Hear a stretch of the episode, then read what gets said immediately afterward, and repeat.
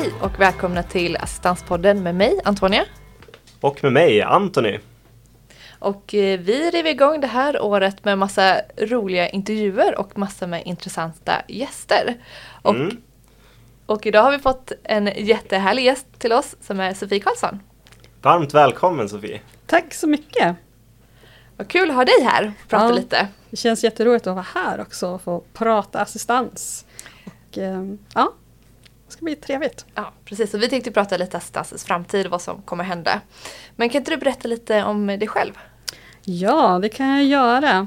Ehm, Jag heter Sofie Karlsson och eh, bor då i Umeå. Vi befinner oss i Umeå nu. Så.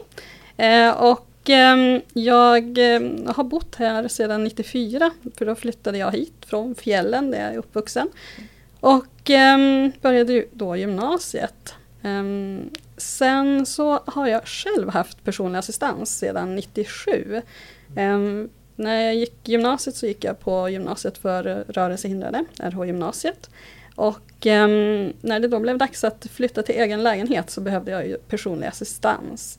Och um, då sökte jag assistans och fick assistans och det såg lite annorlunda ut på den tiden jämfört med idag.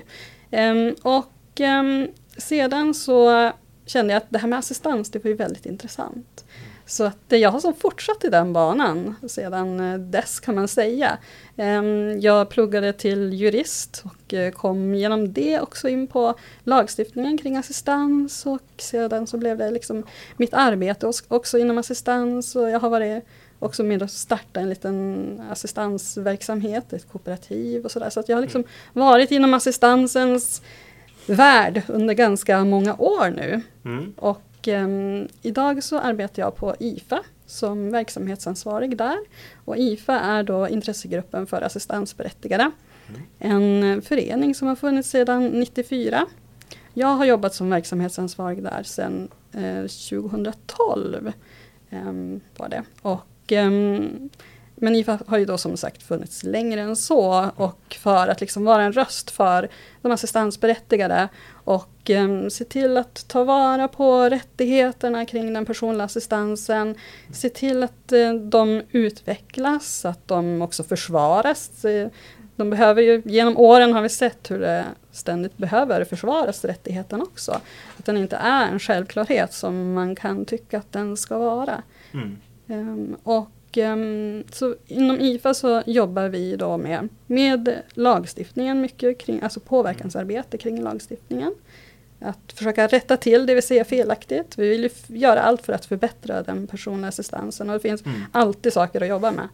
Ehm, och, ehm, så det är väl ja, lite kort. Ehm, vidare det som IFA också gör, förutom påverkansarbete, så jobbar vi ju mycket med utbildning och information till allt och alla som är berörda av den personliga assistansen. För att, eftersom vi vill, delvis liksom, det ska vara en självklarhet vad assistans är, folk ska vara medvetna om det, alla som är berörda, alla assistansberättigade ska känna till vad rättigheten innebär och att man har den rättigheten. Och alla de här detaljerna också kring assistans som man kan behöva ha koll på som inte är så lätt. Mm.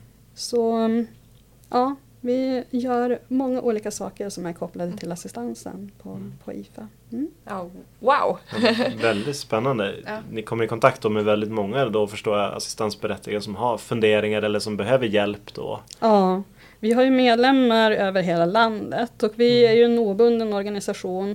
Så um, till oss vänder man sig om man har frågor kring assistans helt enkelt oavsett vilken assistansanordnare man har eller vad man har för funderingar liksom kring sin assistans. Så informerar vi om Ja men så här ser dina rättigheter ut, det här kan du ta upp med din assistansanordnare eller det här kan du ta upp med dina assistenter eller med dina anhöriga eller vad det kan gälla.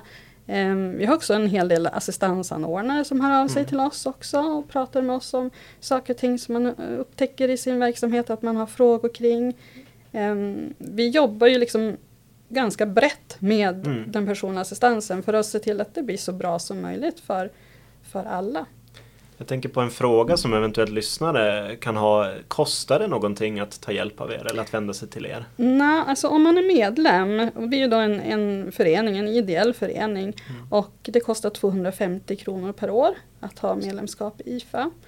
Och eh, då kan man vända sig till oss och får man medlemsstöd. Däremot om det är så att man behöver ha hjälp med till exempel ett ombud eller hjälp att skriva ansökan eller göra överklagande och så. Ehm, så där har vi tyvärr inte möjlighet att gå in i enskilda ärenden för att vi har tyvärr inte de resurserna. Vi är en mm. ganska liten organisation. Ehm, vi gör mycket men vi är ganska få egentligen som arbetar på IFA. Mm. Ehm, vi är fyra stycken personer mm. totalt på, på IFA så att vi är en ganska liten organisation men, men eh, vi jobbar brett på liksom många fronter. Mm. Vi har också till viss del individuellt stöd genom det som vi kallar IFA-specialister. Ehm, och då har vi en IFA-specialist kring juridik som man då kan anlita till en liten ersättning då för, mm. för den, ehm, ja, de råden och det stödet som man då kan tänkas behöva kring det. Mm. jag tänker, även om ni säger att det är en ganska liten organisation så är ni en väldigt stark röst i assistansvärlden. Ja, jo, vi, vi ser oss som en väldigt stark och väldigt viktig röst för assistansberättigade eftersom vi är egentligen den enda organisationen som är just för och av assistansberättigade mm. eh, och som jobbar utifrån ett assistansanvändarfokus. Vi har ju det finns ju organisationer som liksom företräder assistansanordnare och arbetsgivarsidan. Och det finns eh, ja, men, andra engagerade organisationer med, inom funktionshinderrörelsen. Men där jobbar man ju bredare med fler områden och vi är den enda organisationen som jobbar bara med personlig assistans. Så det är liksom, vi lever och andas assistans. Ja. man, man ser ju eller läser ju ofta om IFA, ni uttalar er i olika sammanhang och så. Har du möjlighet att berätta lite mer om ert påverkansarbete som du nämnde? Ja, absolut. Um, och där ska jag vilja nämna vår ordförande Wilhelm Ekensten som har varit med sedan assistansen kom till kan man säga. Han var också en av de personer som faktiskt var drivande kring lagstiftningen och jobbade tidigt även innan IFA fanns med att ha kontakt med politiker om hur den här lagstiftningen skulle se ut och vad det var som det behövdes för assistansberättigade. Willem har ju själv personlig assistans också mm. och eh, har då sedan starten 94 varit ordförande. Och eh, vårt påverkansarbete är ju helt enkelt så att vi, vi kontaktar politiker, vi skriver till politiker. Mm. Eh, vi har också det som vi kallar för IFA debattforum och rådsmöte. Det är en konferens som vi har två gånger per år. Och det kan man säga att den konferensen har blivit som en ganska viktig avstämning när det gäller assistansreformens utveckling. Mm. Eftersom vi då två gånger per år alltså äm, träffar politiker, vi träffar myndigheter eh, där de ja, delvis berättar vad som sker och hur de ser på saker och ting och politikerna får debattera om om assistansen och vad man från respektive parti har tänkt göra eller jobba för och så vidare. Eh, och och eh, myndigheterna bjuder vi in för att man ska berätta om vad händer inom myndigheten, vad har hänt, liksom, till exempel Försäkringskassan eller mm. eh, Inspektionen för vård och omsorg och så vidare. Myndigheter som är berörda av mm. assistansen. Så att vi kan liksom eh, erbjuda en uppdatering att det här händer och samtidigt också en påverkansmöjlighet på dem mm. när de finns där och, och, både våra medlemmar och eh, en del anordnare att man har möjlighet att föra fram att det här tycker vi, det här måste ni jobba med och det här behöver vi jobba vidare med. Så att mm. Vi försöker hitta många olika vägar att nå fram. Eh, sen är det ju inte alltid så att vi upplever att vi kanske alla gånger når fram fast många gånger så tycker vi ändå att vi når fram. Om inte hela vägen så i alla fall en bit. Och då är det det, då får man jobba vidare med. Men vi tar Ibland små steg och ibland så blir det lite större kliv liksom ja. framåt. Det beror på vad det gäller för någonting. Mm. Mm. Och där tycker vi att nu ehm, senast så såg vi när um, det här lagförslaget kring andning och sondmatning som var uppe precis innan, mm. innan jul. Um, där många organisationer och däribland även IFA um, skickade in remissvar uh, om andning och sondmatning när vi såg att det här lagförslaget var inte så särskilt bra. Um, även om det fanns positiva delar i det. Mm. Så i det stora hela så, så föreslog man ju ändå att man i, kring de grundläggande behoven, att, att man ville bryta ut andning och sondmatning och bara titta på att vissa delar kring, kring andra grundläggande behov skulle räknas med medan andning och sondmatning vill man räkna med i, i, i sin helhet. Och det tycker Mm. vi att man även för resterande grundläggande behov, alltså personlig hygien, måltider, kommunikation och så vidare. Vi tycker att alla de grundläggande behoven måste ses i sin helhet. Ja. Eh, Men det var inte det som regeringen föreslog. Ehm, och som sagt, många organisationer reagerar på det här och ehm, även då IFA. Och eh, faktiskt tack vare, vare våra remissvar så har ju också regeringen backat. Mm. Ehm, för vi, vi kunde verkligen inte gå med på att eh, göra den förändringen, att liksom slå sönder de grundläggande behoven eh, till att bara räknas i små, små beståndsdelar. För att, ja, vi vet ju att man måste ju upp i, i 20 timmar för att kunna beviljas assistansersättning från Försäkringskassan. Och för att nå upp till de här 20 timmarna så måste man också få räkna sina, sina behov som, som behövs för det. Eh, och inte bara små korta minuter här och någon minut där för att liksom få ihop det till 20 timmar utan man måste kunna se på behoven i sin helhet. Ehm, så att ehm, det tycker vi är en framgång att vi faktiskt fick regeringen nu att backa. Mm. Sen Ja. inväntar vi ju nu med spänning vad som ska hända. Ja precis, för att vid dags dato när vi, när vi spelar in det avsnittet så har ju inte de, det har inte släppts någon, någonting efter de här remissvaren. Precis, nej det har ju inte det. Nej, det Det får får se. vi se. Ja, och det är en av de där sakerna som vi väntar med spänning på här Mm. under året. Vad som kommer till att ske. Men jag har, jag har en fundering kring, kring eh, det förslaget att man ska lägga in de här ah, mer restriktiva, eller kodifieringen av gällande rätt som, som de har skrivit i promemorian. Borde de inte ha förstått att eh, man skulle få så mycket kritik? Eller varför hade Jo, man jag skrivit tror, så här? Jag, jag tror att det fanns en viss förståelse för att Mm. eh, man skulle få kritik. Ehm, som du säger så man ansåg, eller det man förde fram i promemorian var ju att, att man tycker att det här är någonting som redan gäller. Mm. Att det inte skulle vara så farligt att faktiskt skriva in det i lagstiftningen. Eh, det var så det framfördes Mm. från regeringens sida. Men eh, med den erfarenhet som, som vi har kring hur, hur man faktiskt tillämpar, när, när det väl finns uttalat i lagstiftningen, Mm. så vet vi att då ställs det verkligen på sin spets. Mm. Och då kommer det att bli väldigt, väldigt restriktiva tolkningar. Men så länge som det inte är utskrivet i lagstiftningen så finns det ett lite bredare utrymme, även om det redan idag är ganska restriktivt hur bedömningarna sker kring de grundläggande behoven. Men vi känner att vi vill absolut inte ha det inskrivet i lagstiftningen. För när det väl står inskrivet, då vet vi att då står det där och det är inte så lätt att ändra på lagstiftningen. Ehm, Vi vet att det tar ofta många år. Det finns ju saker li- som vi har arbetat med eh, på IFA sedan egentligen sedan lagstiftningen kom till som vi tycker att det här behöver man ju också ändra kring assistansen men fortfarande inte ändring kring till exempel att man ska få behålla assistans vid sjukhusvistelse, vilket vi tycker är en, en självklarhet.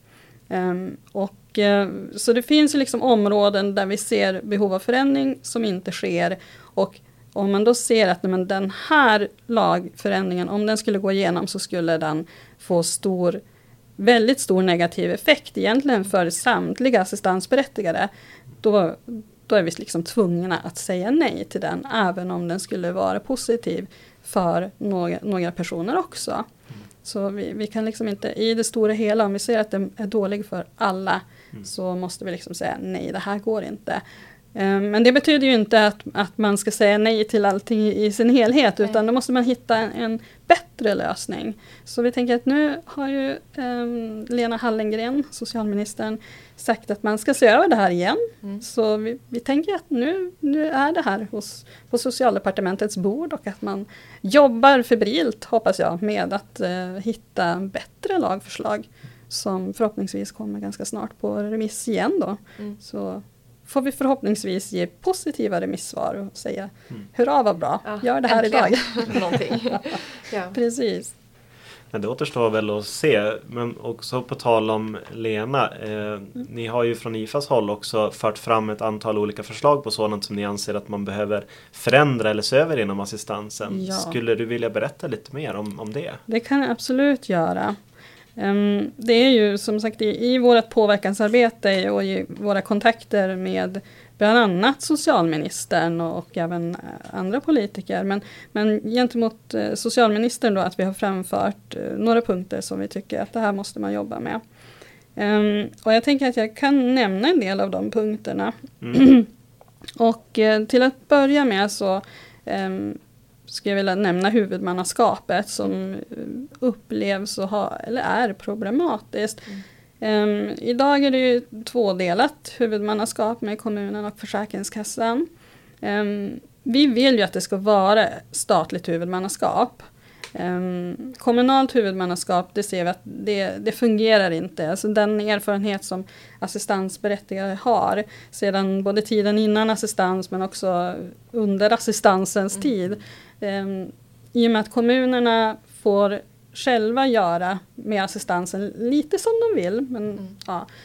Så även om LSS ligger till grund, men, men kommunerna har ganska stora möjligheter att ändå använda eller behandla assistansen på, ett, på olika sätt helt enkelt. Så har vi liksom 290 kommuner och 290 olika tillämpningar av assistansen. Mm. Vilket gör det jätteosäkert för assistansberättigade um, vad som egentligen gäller kring assistansen just i den kommunen. Mm. Um, och um, det kan också innebära att man kanske inte får så mycket assistans om kommunens budget är, är tajt eller om kommunen liksom vill se lite strängt på assistansen. Mm.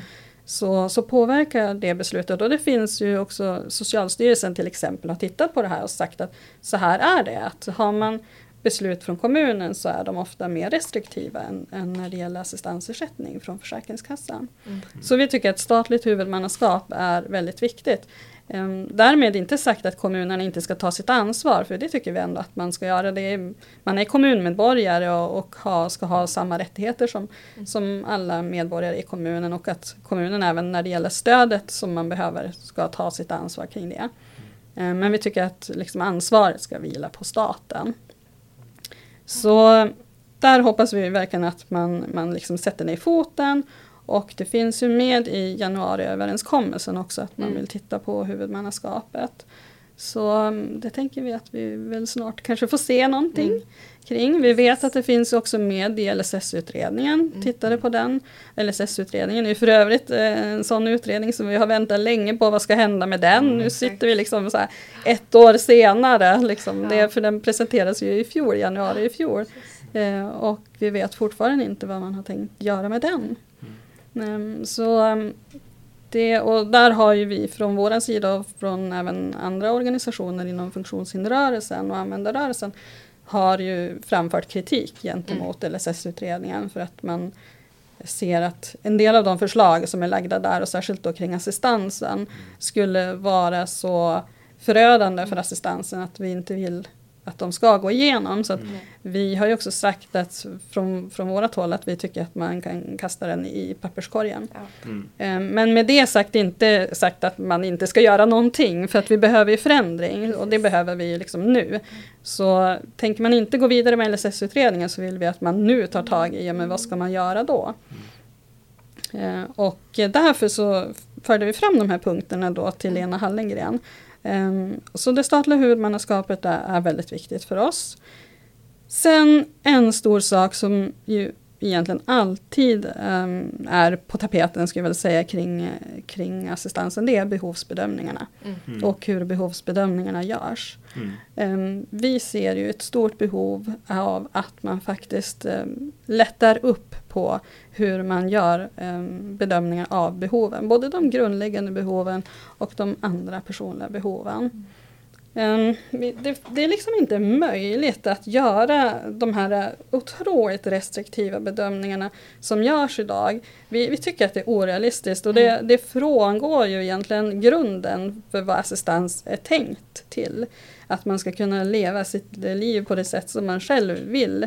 Uh, och då funkar det inte om man till exempel behöver 20 minuter för ett toalettbesök och få 5 minuter till exempel. Mm. Liksom det, det, är omöjligt. Alltså, man behöver den tid som man behöver. Man liksom kan inte, inte korta ner den.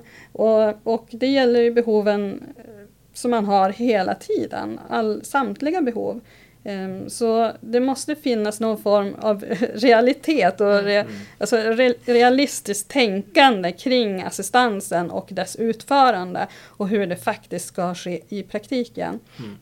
Vi har ju trots allt någon är ändå lagad för att de faktiskt ska funka och Mm. den ska innebära förändring i, i realiteten och inte bara på pappret. Det spelar ingen roll för mig om jag har ett beslut om assistans på pappret om, om jag inte kan använda det. Nej. Om, Mm. om det liksom inte går. Alltså, och, och det är ju det är ju liksom ingenting man inte, alltså som man kan välja bort. Man, man måste ju ha assistans och har man behov av assistans så måste man ha assistans. Mm. Så det innebär ju att de här, ändå blir behoven inte tillgodosedda och vissa behov måste ju tillgodoses annars överlever man ju inte. Eh, Så till viss del så är, handlar ju assistans om överlevnad.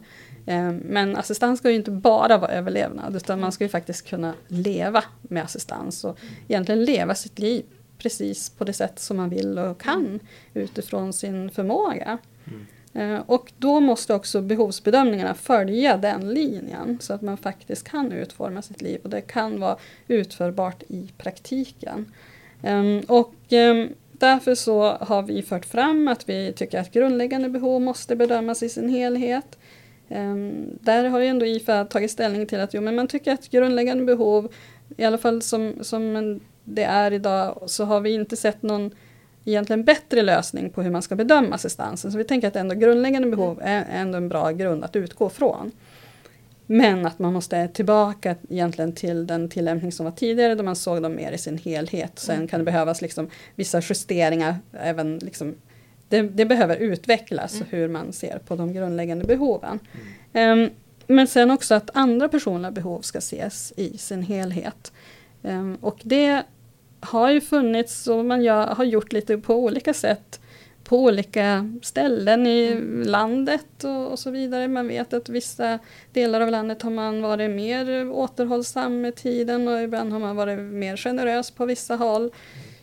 Och eh, det som vi tycker det är att man som assistansberättigad så måste man kunna känna en trygghet i att det som jag anger att jag behöver assistans med och eh, hur jag vill leva mitt liv, det ska respekteras och att man faktiskt ska kunna beviljas assistans för den, den tid och de behov som man anger. Att de, det ska inte ifrågasättas. Det ska inte ifrågasättas om man säger att ja, men jag vill duscha varje dag så ska inte Försäkringskassan komma och säga vi tycker att det räcker att du duschar varannan dag.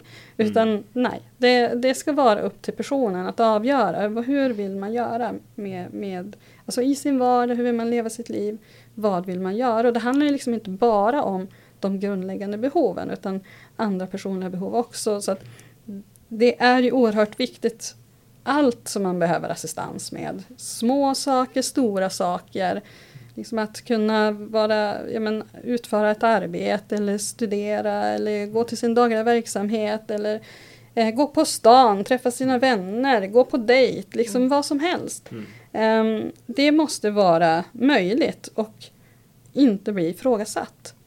Ehm, så det jobbar vi ju starkt för inom IFA, att man liksom ska kunna leva som vem som helst. Men tyvärr är det ju många av våra medlemmar som hör av sig, som är, känner sig väldigt otrygga, osäkra på men vad kommer till att hända med min assistans? Kommer jag till att få mindre assistans? Vågar jag söka om utökning av assistans? Eller vad händer då? Ehm, Vi har ju ett tvåårsomprövningsstopp i dagsläget. Däremot vet vi inte vad som händer när man väl beslutar sig för något annat än det här Nej. tvåårsomprövningsstoppet. Och det skapar ju en oro. Ehm, Det känns ju förvisso tryggt just nu, okej, att besluten blir inte neddragna, um, omprövas inte. Men samtidigt så vet man inte, alltså man bävar lite inför framtiden. Ehm, Eftersom vi också har sett en del personer som har kanske sökt om utökning eh, och sedan ändå kanske fått en viss utökning. Men samtidigt när man har gjort prövningen för eh, den här ansökan så upplever ändå väldigt många, som vi har haft kontakt med i alla fall, att man ändå har fått en bedömning där Försäkringskassan aviserar att eh, man egentligen skulle haft ett beslut som har varit i lägre omfattning än vad man har idag. Och det är klart att får man det beskedet från Försäkringskassan och så tänker man att oj, tänk om omprövningsstoppet släpper. Mm. Då kanske jag blir utan min assistansersättning eller får mycket mindre assistansersättning. För det har ju Försäkringskassan sagt Ja. när man sökte om utökning. Så att det finns en jättestor osäkerhet. Mm. Ehm, och ehm, det här tycker vi är jätteoroande. Därför vill vi jobba för att man faktiskt ska ändra på det här. Och Alla ska kunna känna sig trygga och säkra på att jag får den assistans jag behöver och den assistans som jag liksom uppger att jag har, har behov av. Mm. Utan också att det ska behövas styr- styrkas av intyg. För att det är, vissa behov går liksom inte att styrka med, med intyg. Utan Nej. det är som det är.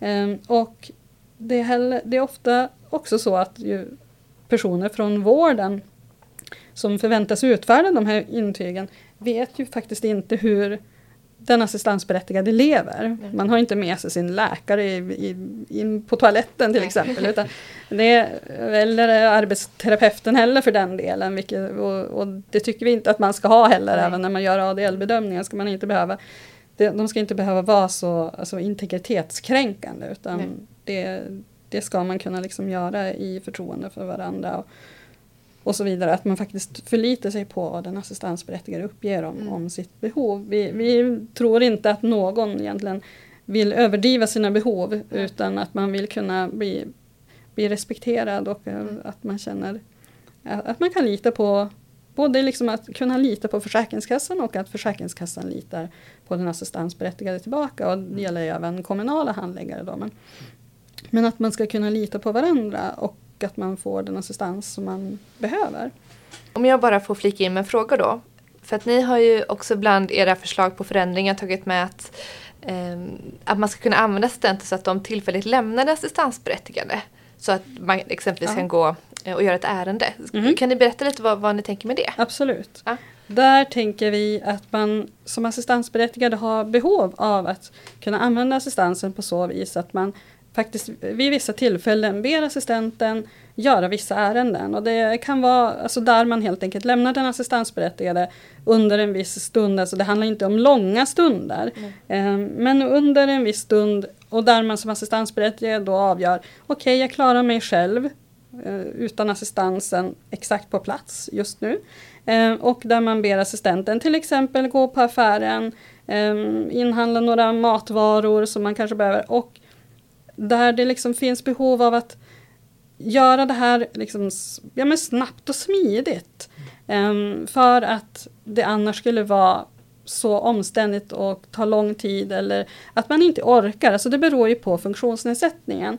Att man kanske känner att Nej, men det, det blir så väldigt omständigt för mig om jag ska på mig kläderna, jag ska kanske beställa färdtjänst eh, för att åka en liten bit medan assistenten kan springa på fem minuter till affären eh, och eh, köpa matvarorna som man behövde, liksom mjölk och socker eller vad det kan vara. Ehm, och att man kan lösa det på ett smidigt sätt.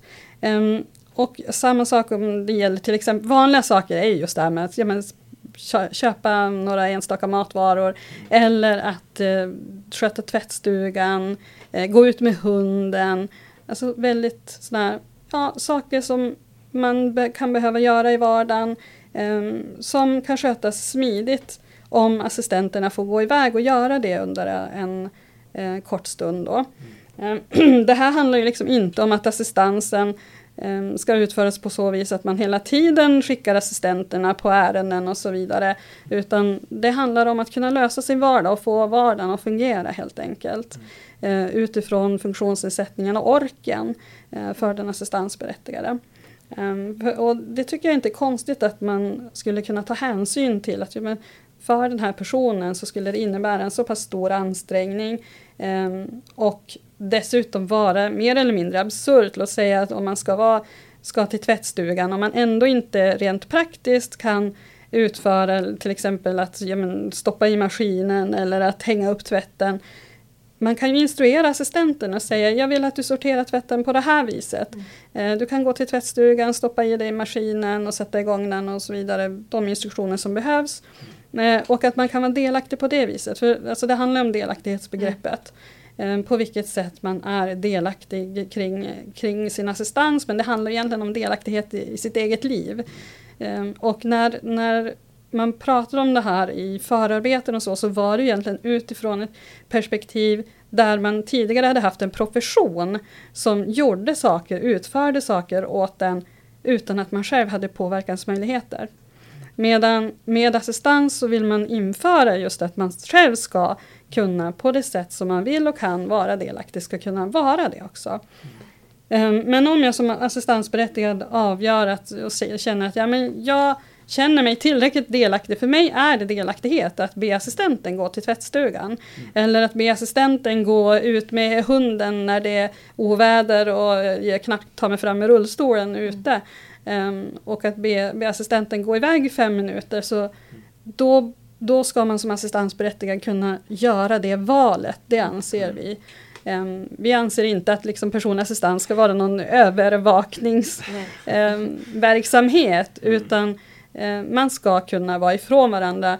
Givetvis handlar det om vilken funktionsnedsättning och vilket behov man har. Mm. Är det en assistansberättigad som hela tiden behöver ha, låt säga övervakning eller tillsyn, då kan ju assistenterna inte gå iväg. Mm. Då skulle det kanske innebära en fara för den assistansberättigade att assistenterna går iväg. Mm. Så att det här måste ju ske utifrån individ och person och situation. Eh, men vi anser att det är fullt rimligt och vi vet ju att det finns behov hos assistansberättigade. Ehm, och och där, där man liksom behöver kunna utföra assistansen på det här sättet. Mm. Eh, att be assistenterna under vissa stunder lämna den assistansberättigade för att utföra. Egentligen anser vi det vara assistans. Mm. Um, det är inte liksom assistans på plats tillsammans med brukaren där och då. Men det är ändå en, en, form av att man gör det här tillsammans och brukaren är delaktighet, eller den assistansberättigade är delaktig på det sätt som man själv har avgjort. Mm. Ehm, det som är faran i det, det är ju om det är så att eh, assistenterna tar över och eh, börjar utföra saker och ting av, för att de tycker att det är enklare. Och kör över den assistansberättigade och, och tycker att ja, men det går fortare om vi gör det på det här viset. Du kan vara kvar här hemma eh, medan vi fixar med det här. Och så ska det inte vara, utan det ska ju vara helt ifrån, utifrån en assistansberättigade. Som, ja, som ska kunna avgöra vilka situationer som det här ska kunna vara möjligt. Jag tycker det låter som ett fullt rimligt förslag på på förändring för att hur, hur assistans faktiskt ska fungera i, i den enskildes vardag. Ja, ja men det, det handlar om att få det att fungera mm. i, i realiteten, fungera med kvalitet, för det är ju frågan om om vad är kvalitet i assistansen och vi mm. vet att för många assistansberättigade så är det här kvalitet. Mm. För att det tillför, tillför mer än, än liksom det, det, skulle innebära större problem för den assistansberättigade att i varje, e, varje fall kräva att man är med och nära assistenten kring allting som behöver utföras. Um, för, det, för många är det be, alltså, omständigt, svårt, mm um, att man faktiskt kanske i vissa situationer inte kan, låt säga gå ut eller ta sig iväg och så vidare. Så det är orimligt att inte kunna be mm. assistenterna göra vissa saker mm. ibland.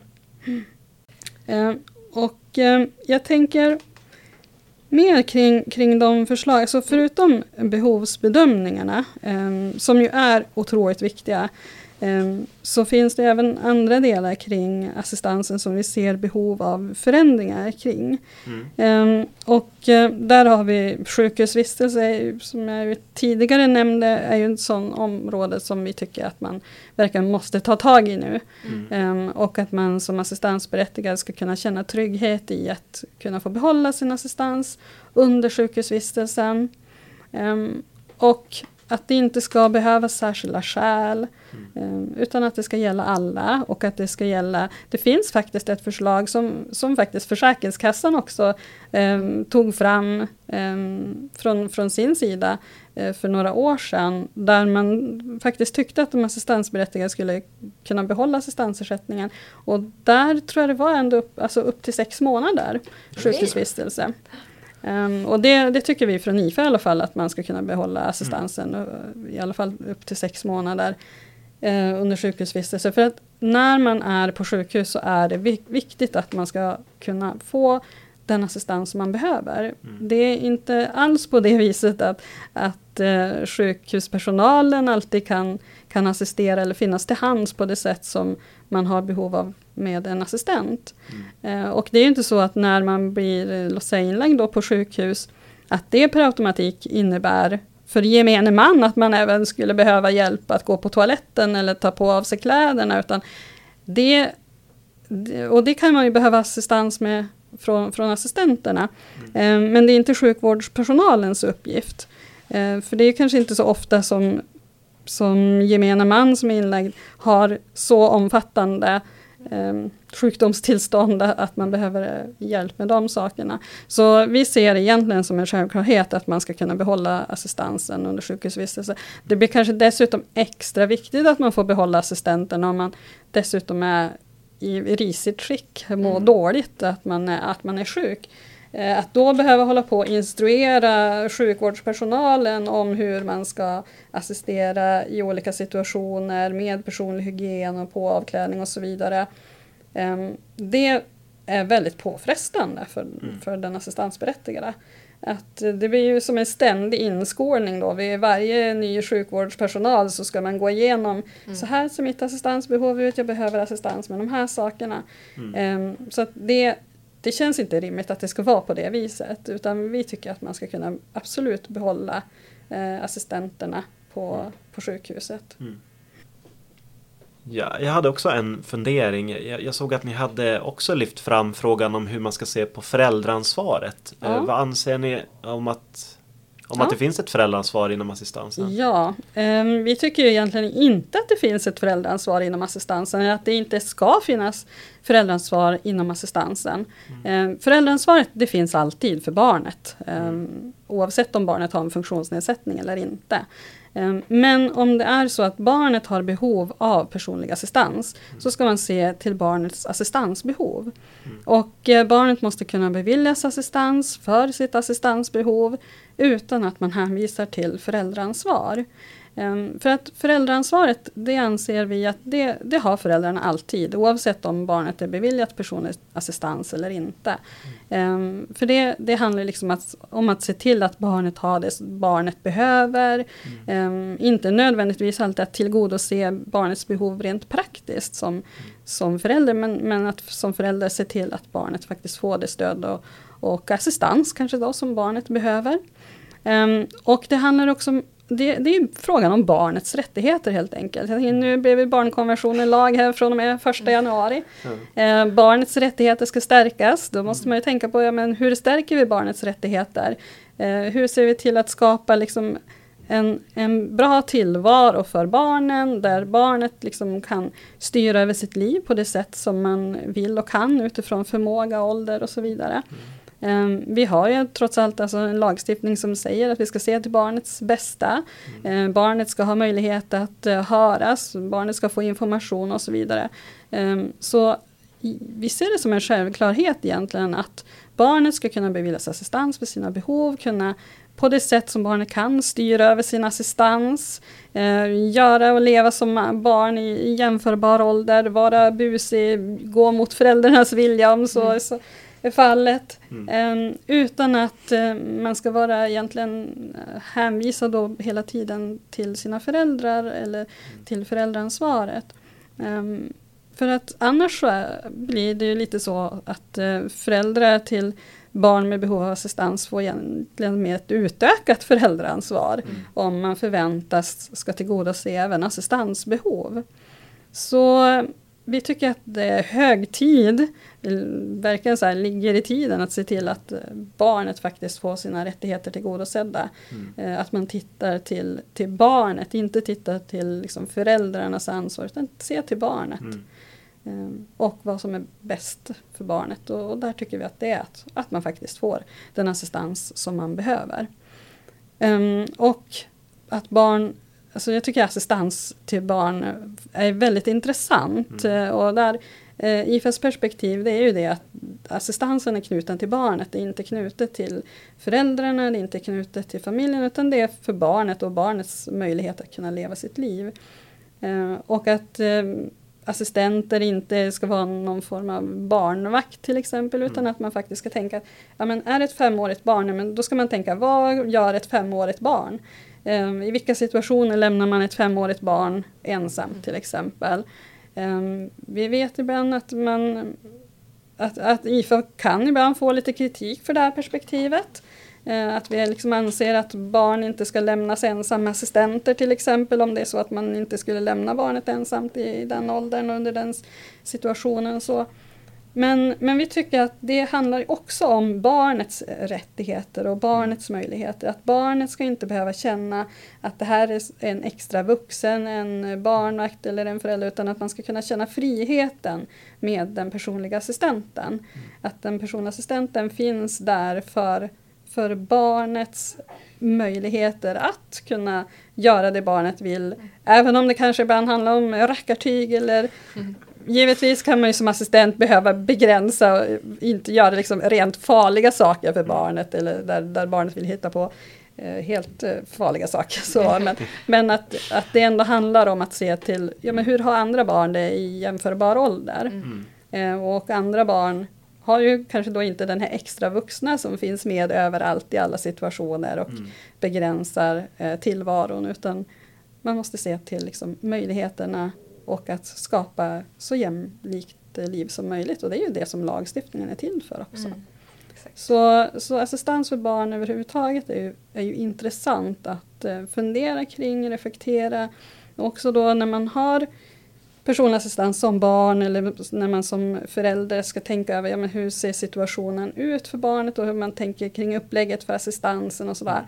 Att man verkligen försöker ändå ha det perspektivet att se att ja, men, det här är, ska, ska vara en möjlighet för barnet. Mm. Eh, och ehm, att man inte använder så att säga ehm, den personliga assistenten som, som barnvakt eller så. Mm. Utan, för det tycker vi blir eh, lite fel. Och sen är väl alltid det där liksom, eh, någon form av realistiskt tänkande får man väl ha även där. Liksom, Mm. Att okej att föräldrarna kanske har behov av att eh, göra även där då, om man kommer in på ärenden igen. Men göra kanske korta ärenden och att det Ja. kanske på grund av barnets funktionsnedsättning kan vara väldigt omständigt om barnet ska följa med till affären om det handlar liksom om mindre ärenden och sådär. Så, ehm, även där behöver man ju kanske lite så här, tänka sig för men ändå i så mångt och mycket bygga upp assistansen så att det faktiskt möjliggör för barnet att kunna leva så fritt och så, så likt sina vänners eh, eh, liksom liv som möjligt. Så Mm.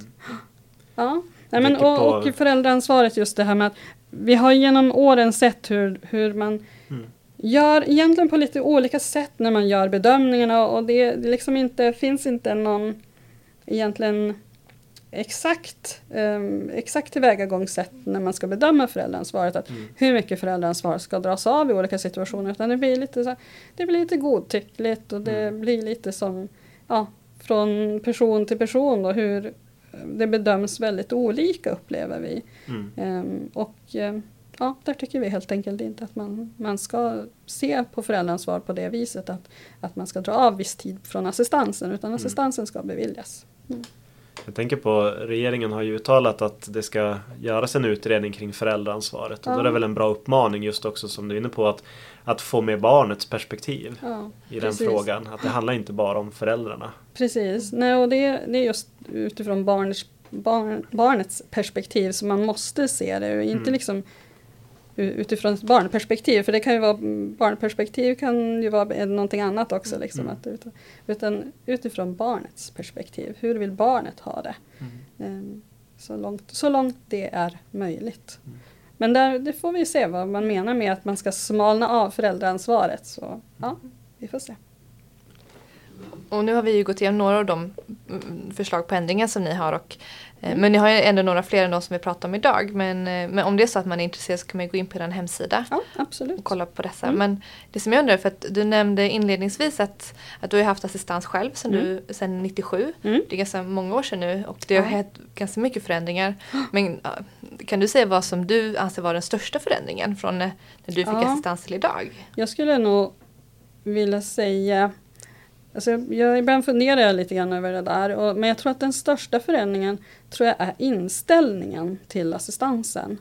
Mm. Um, inställningen från eh, myndigheternas sida och ibland kanske även personer som inte är insatta i assistans. Alltså inställningen till vad är assistans? Hur ska assistans utföras?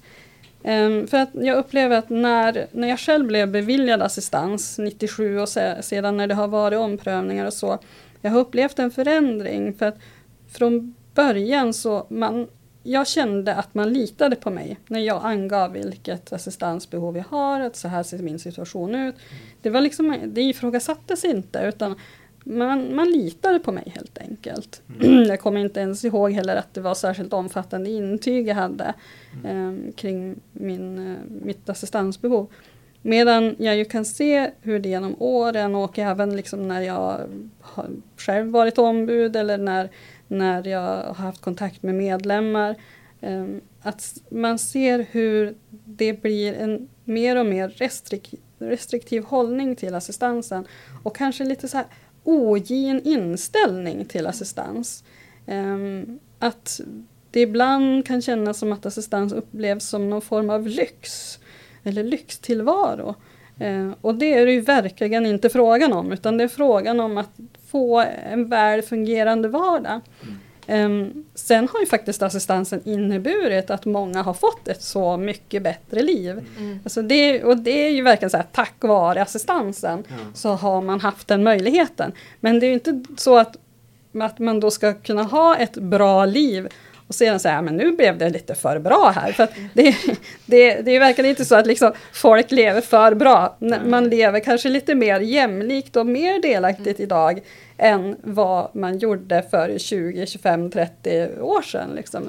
Ehm, Rent krasst är det ju också vad lagen faktiskt säger Precis. att syftet med den är. Det är ju det, så att det är så konstigt att när man börjar kanske nå lite närmare målet så blir det på något vis för bra. Och då säger man, nej men stopp nu, det var, vi skulle ju ha det lite bättre men det, skulle, det får inte bli så, så bra.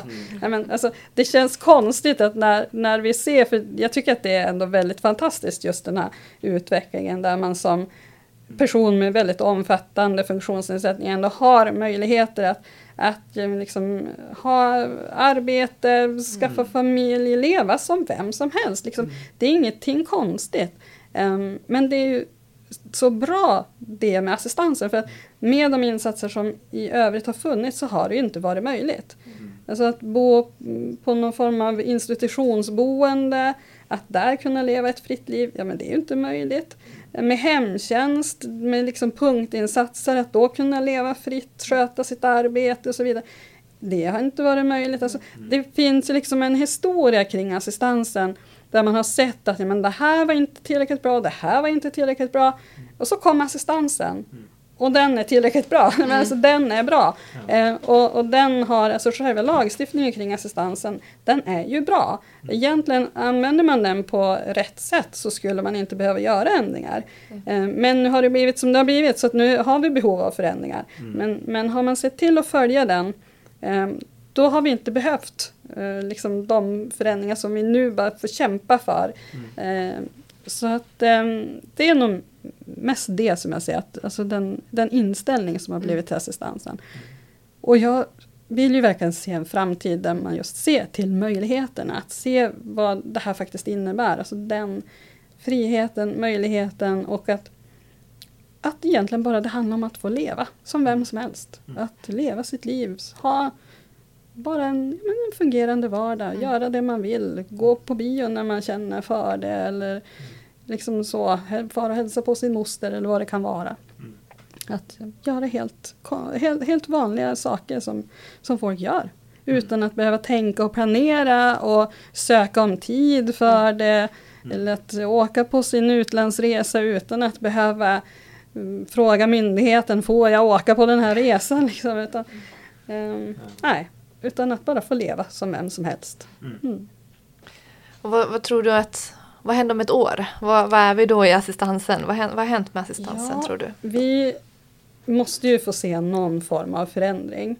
Ehm, jag tänker att man ändå måste ta tag i, man måste titta på grundläggande behov. Hur ska egentligen behovsbedömningarna vara? Man måste ju fundera över ja, men vad, vad behövs för att kunna släppa tvåårsomprövningsstoppet. Liksom. Mm. Um, och då, då, då handlar det faktiskt om behovsbedömningar. För att man stoppade ju för att behovsbedömningarna blev så restriktiva så att det faktiskt inte skulle vara möjligt att egentligen utföra assistans på de premisserna. Mm. Så då måste man ju ta itu med den grunden mm. som, som behövs för, för tvåårsomprövningar. Och, för vi vill ju inte att man släpper upp tvåårsomprövningar utan att ha sett över det, för då hamnar vi ju då liksom i, i den där helt omöjliga situationen. Mm. Eh, men att man faktiskt tar itu med det. Eh, och Eh, vi vill ju egentligen inte se några långdragna utredningar. Mm. Utan vi vill se förändringar här och nu, genast helst. Mm. Däremot så vet vi att liksom för att göra lagförändringar så behöver man göra viss utredning. Mm. Eh, men vi ser ju också att vill man så finns det möjlighet att ja. göra det rätt snabbt. Ja. Så mycket handlar ju om viljan mm. helt enkelt. Vi har ju under många år, sedan, åtminstone sedan domen 2009, eh, tryckt på att vi behöver förändringar kring grundläggande behov mm. eh, och inte sett det än. Um, men så införde man ju det här tvåårsomprövningsstoppet. Ja men det införde man ju på några månader. Um, nu ändringen kring andning som infördes i, i november. Ja men det gjorde man ju också på några månader. Mm. Så att finns viljan så finns också möjligheten. Um, och um, att man inte behöver kanske kompensera det så mycket mm. som uh, man ibland vill göra. Utan att faktiskt se till men vad är det vi vill åstadkomma och så gör vi det på det här viset. Mm. Um, och se, se möjligheterna och vinningen för alla egentligen. Um, kring assistansen. Så jag hoppas ju på något vis att det hinner hända nu här under året och vi måste få besked kring LSS-utredningen, ja. vad det blir av den.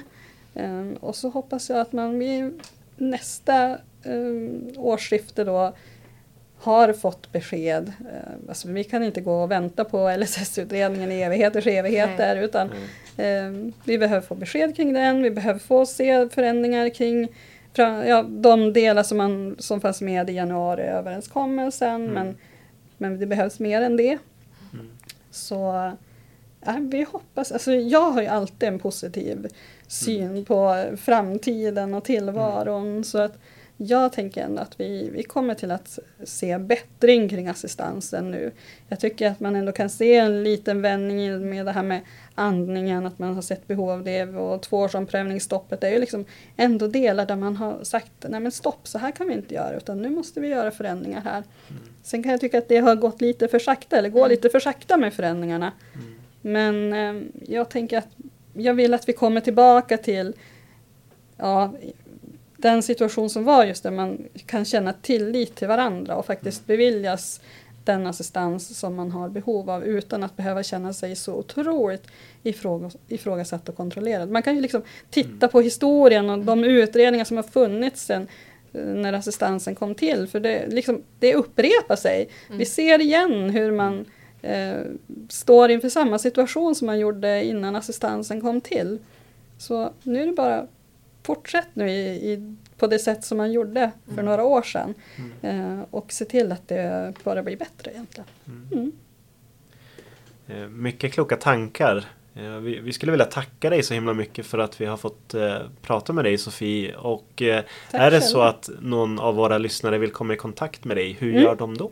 Då kan man gå in på IFAs hemsida, intressegruppen.info. Eh, där finns information både om IFA, vad vi gör och ja, vad vi jobbar med helt enkelt och um, även kontaktuppgifter till oss. Mm. Telefonnummer, mejladress, uh, info intressegruppen.info är vår mejladress uh, och uh, det är bara att höra av sig helt enkelt om vad det vara må. Mm. Tack så jättemycket för att jag har fått vara med. Tack så jättemycket. Tack. Och är det så att ni vill komma i kontakt med oss på Assistanspodden eller vill ställa en lyssnarfråga så kan ni höra av er till våra mejl assistanspodden humana.se. Vi finns också på Facebook och på Instagram. Och då tackar vi för oss. Tack! Tack ska ni ha! Hej!